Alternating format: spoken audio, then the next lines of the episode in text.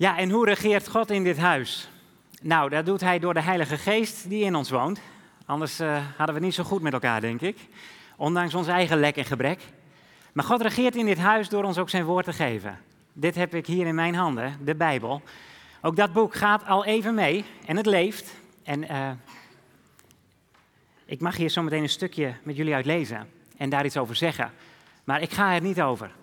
En daarom uh, wil ik ook dat graag aan de Heer opdragen. En dan gaan we met jullie kijken naar wat hier in Gods woord staat. Vader, dank u wel dat u regeert in dit huis. En dat u dat doet door uw woord. Heere God, uw woord leeft. Het is scherper dan enig twee snijdend zwaard. En het werkt in onze harten. Heere, u doet dat met ieder van ons persoonlijk, maar u spreekt ons ook aan. Heilige Geest, als wij samen zijn en wij ons onder uw woord stellen. U gaat over ons.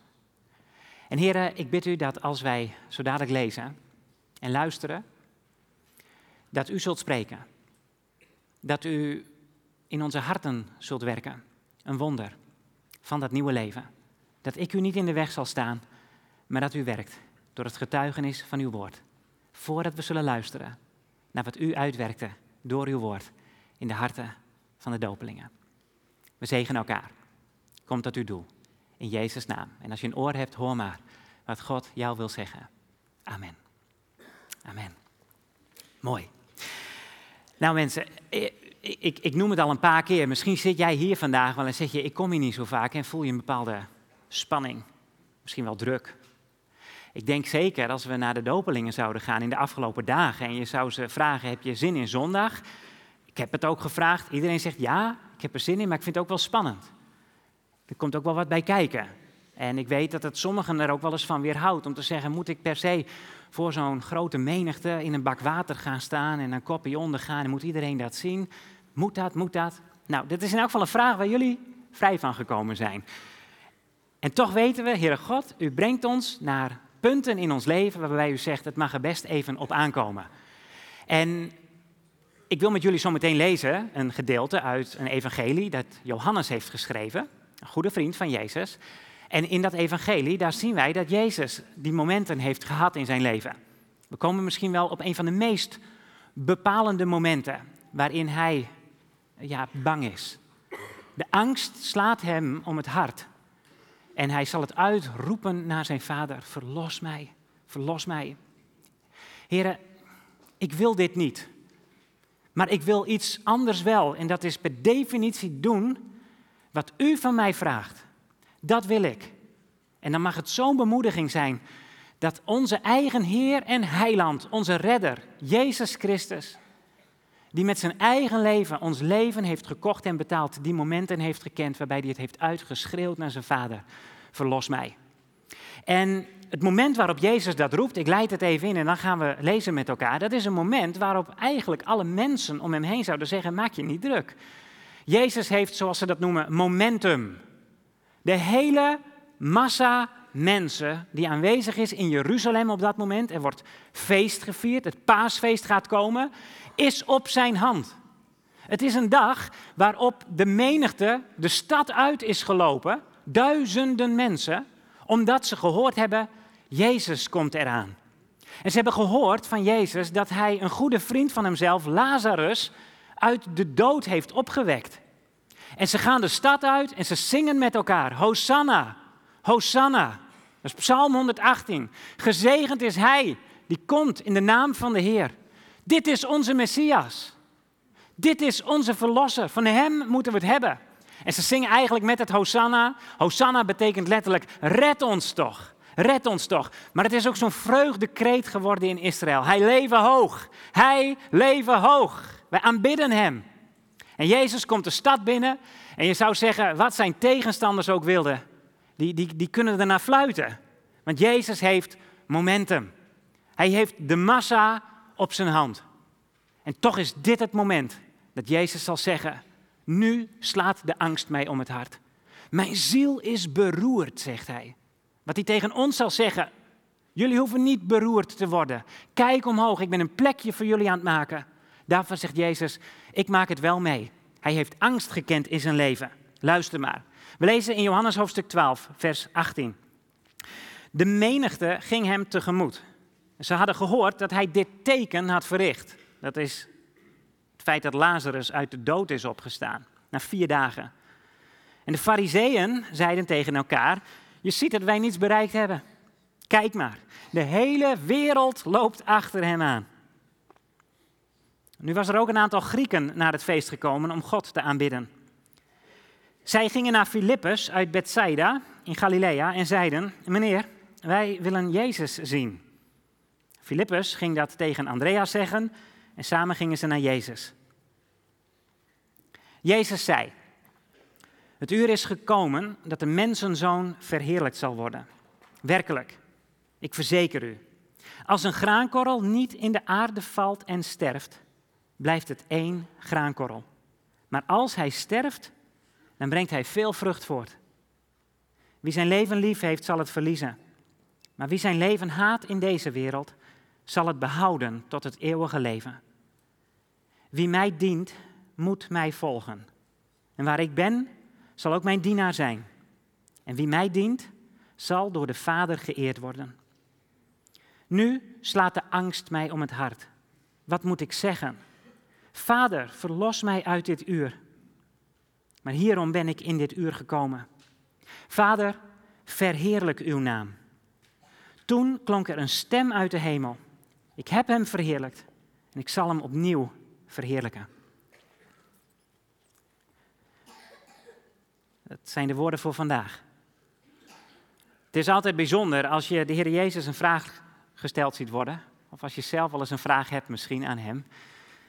Er komen een paar Grieken lazen en die willen Jezus zien. Nou, Filippus weet niet wat hij ermee moet. Die gaat eerst maar naar Andreas. Zullen we samen naar hem toe gaan? We weten niet altijd wat we eraan hebben, want het antwoord is meestal niet, nou laat ze maar komen. Of nee, vandaag niet, ik heb het druk.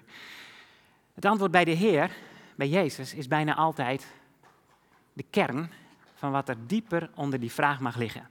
Dus ik, ik hoop dat we daar een stukje antwoord op gaan krijgen. Als er mensen komen en die zeggen, wij willen Jezus zien, dat Jezus dan in dit antwoord ons aanreikt, nou dan moet je dit weten. Dan moet je dit weten.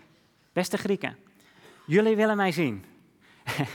en dan komt de Heer weer met zo'n cryptisch antwoord. Wel, het uur is gekomen dat de mensenzoon verheerlijkt zal worden. En ik verzeker jullie, als een graankorrel niet in de aarde sterft, kan er geen vrucht uit voortkomen. En zo gaat de Heer verder. En, en ik denk dat het je voor vraagtekens kan stellen. Wat, wat bedoelt de Heer nu precies? Maar de Heer komt tot een conclusie, eigenlijk in het allerlaatste vers, wat we met elkaar lazen. De angst slaat mij om het hart. Wat moet ik zeggen? Vader, verlos mij uit dit uur. Uit dit uur. Dus Jezus geeft al aan, er komen nu mensen uit een ander land. De wereld komt naar Israël toe, die Grieken. Grieken waren eigenlijk de verzamelterm voor alle volken buiten Israël.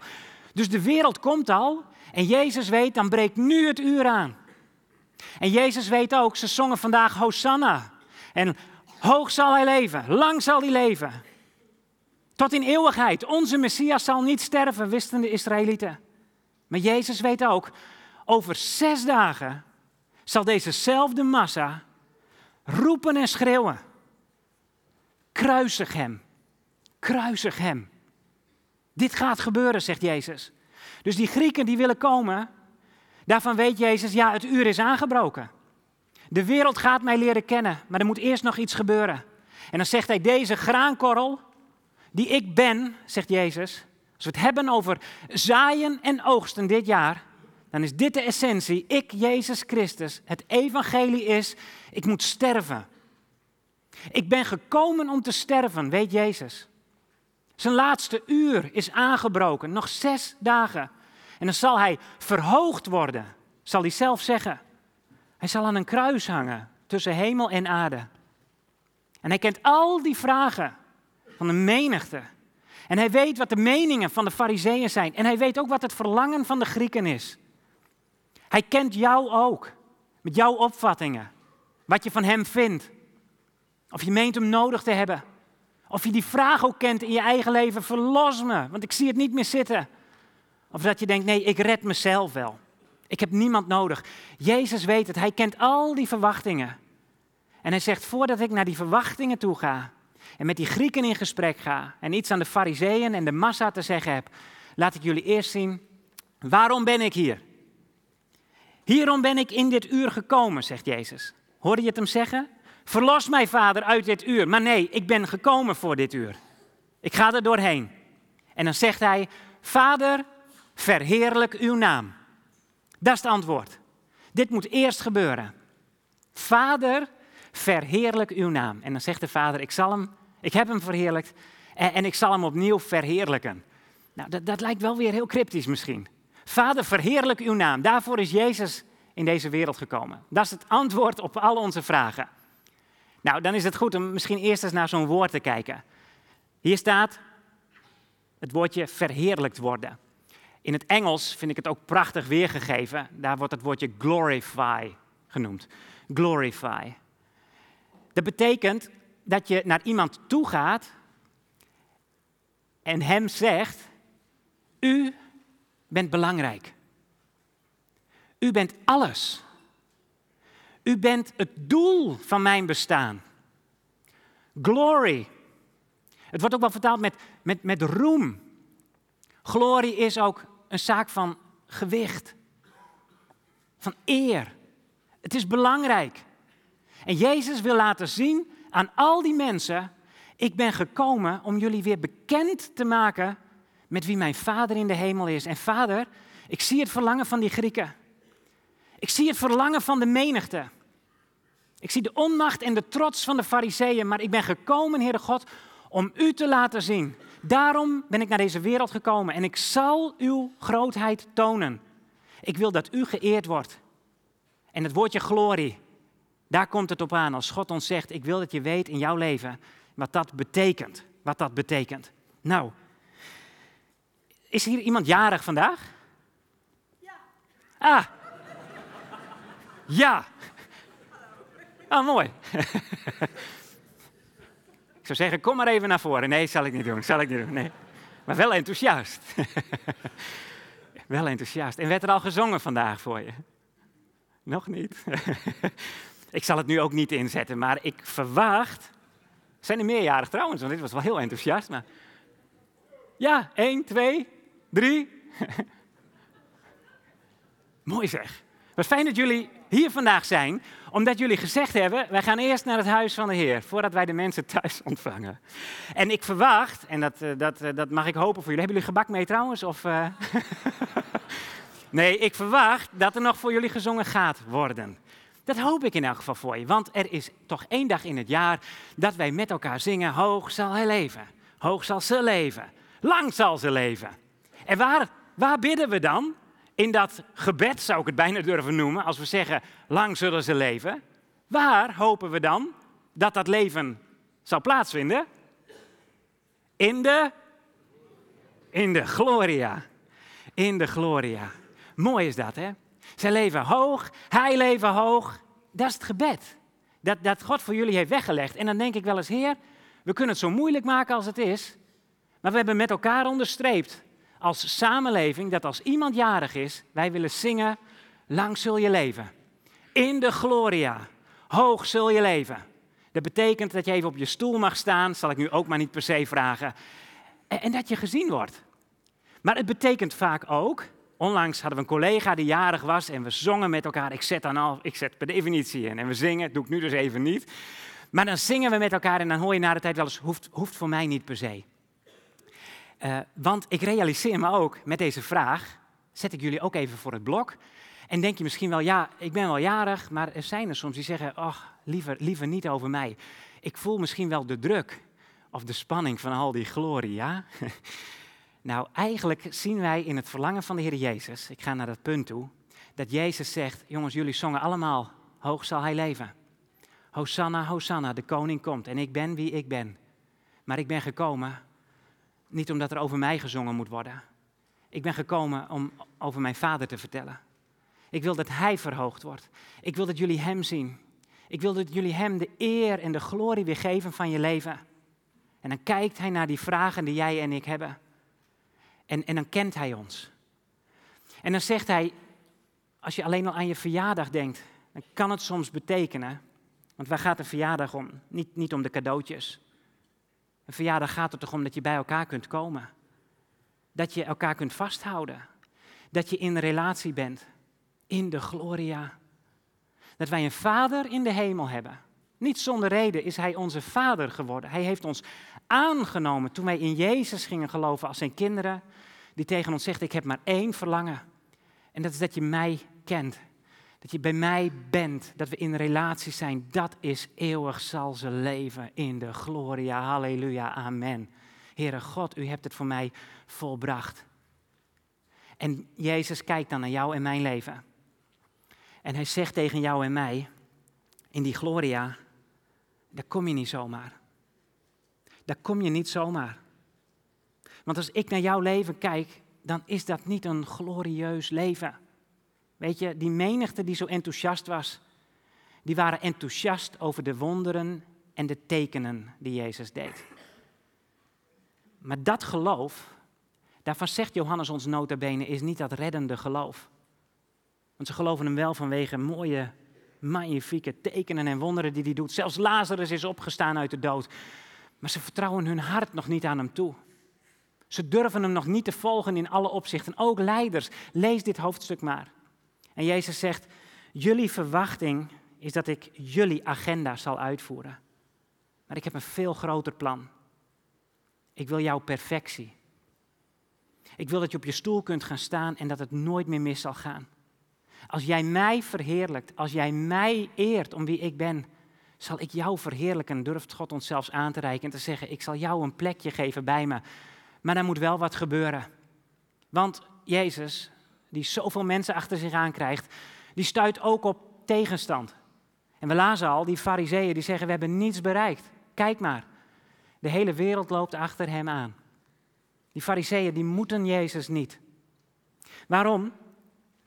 Jezus zegt ons niet alleen, ik wil je het eeuwig leven geven. Maar hij confronteert ons meteen. Door ons te zeggen, je hebt het niet verdiend. God heeft ons zijn woord gegeven. Ik heb hem hier in handen. En dat begint met een boek wat we kennen als Torah. En in de Torah wordt beschreven hoe het perfecte en het volmaakte leven eruit ziet. Als ik alleen al die tien woorden pak, de tien geboden zoals ze wel genoemd worden uit Exodus hoofdstuk 20, en ik leg mijn leven ernaast, dan confronteert de Heere God mij, Jacob jongen, die wet heb jij niet volbracht. Nou, dan komen daar in ons mensen neigingen om dat niet te willen horen. Want als ik iets niet gedaan heb wat ik had moeten doen, dan ligt daar ook schuld. En fariseeën, die pretenderen dat ze perfect zijn. En die stellen wetten op, of die pakken de wet van God, en die zeggen, dit kunnen wij wel. Wij zullen onszelf laten zien. Wij zijn volmaakt. En dan komt de zoon van God. En de menigte is enthousiast, want lammen lopen en blinden zien en doden staan op.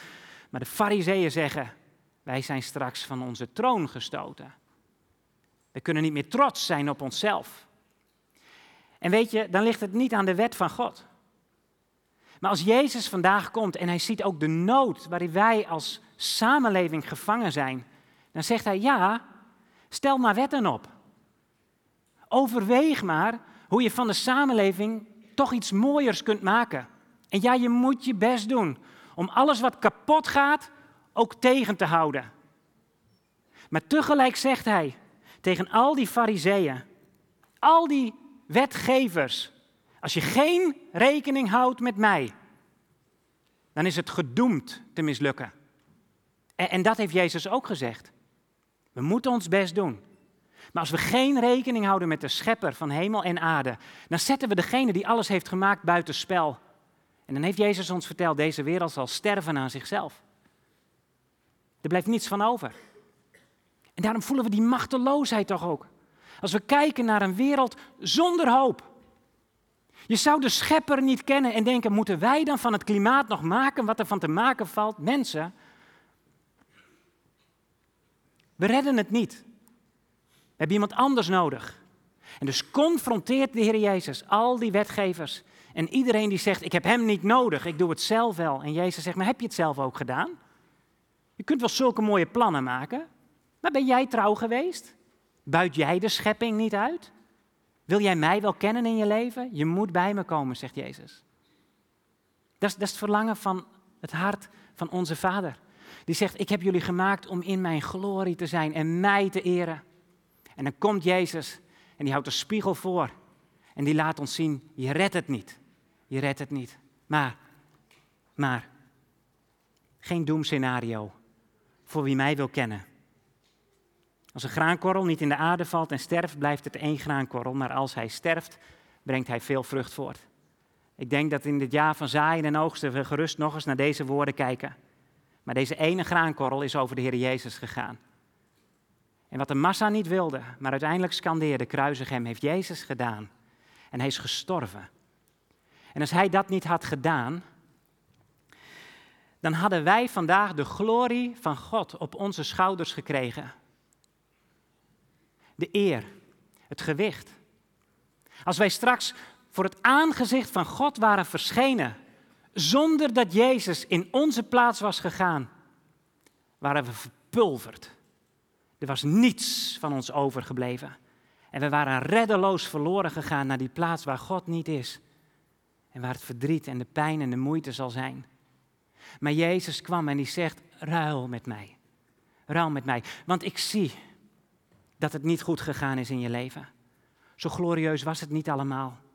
Geef mij weer de eer. Ik wil de Heer van je leven zijn. En ik neem de last van de schulden op jouw schouders over. En ik draag ze. En wat heeft Jezus gedaan? Hij is gekruisigd. En heeft de woede van God over wat er kapot is in deze schepping ervaren. Dat is het uur geweest waarvan hij zei: Vader, ik wil dit niet. Dat er een scheiding komt tussen u en mij. Verlos mij uit dit uur.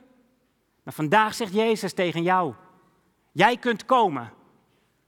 En dat juk van moeten, moeten, moeten van je schouders werpen en zeggen: Vader, verlos mij. Verlos mij, Heer. Vergeef mijn zonden. Geef mij nieuw leven. Dat is wat jullie ontdekt hebben als dopelingen. Ik hoef niet meer. Als jullie gedoopt worden, de vraag wordt ons wel eens gesteld: moet dat dan? Moet je gedoopt worden? Ah, daar kan ik kort over zeggen. Ja, Jezus zegt: wie mij dient, moet mij volgen. En hij heeft het gezegd, staat gewoon een gebiedende wijs hier. Alleen, het is de verkeerde vraag voor jullie. Jullie zijn helemaal niet bezig met de vraag, moeten wij ons nu laten dopen? Vraag het maar aan ze. Nee, dat is geen moeten. Ja, natuurlijk moet het, maar ik wil dit. Want ik hou van Jezus. En hij heeft me dit gevraagd, hij heeft zijn leven voor me gegeven. En vandaag mag ik jou namens de Heer ook aanreiken dat die ene vraag van die Grieken, wij willen Jezus zien. Als jij dat wilt, luister dan naar de getuigenissen van onze dopelingen. En ga zelf naar God toe en vraag aan Hem, Heer, het lukt me niet meer. Maar verlos mij, Heer. Verlos mij. Jezus zegt tot slot, nog een korte tijd, 12 vers 35, is het licht bij u, zei Jezus. Ga u weg zolang het licht is en laat de duisternis u niet overvallen. Wie in het donker loopt, weet niet waar hij heen gaat. Geloof in het licht zolang u het licht bij u hebt. Dan bent u kinderen van het licht. Na deze woorden ging Jezus weg en hij hield zich voor hen schuil. Nou, we gaan luisteren naar jullie getuigenissen als we zo meteen in het water staan. En de oproep aan ieder van ons is, als je dit nog niet wist. Vandaag schijnt de zon nog en nodigt Jezus je uit voordat hij komt om iets nieuws te maken. En zegt hij, leer mij kennen, ontvang vergeving en eeuwig leven. Kom in het licht. Ik ga me omkleden en dan gaan we samen het water in.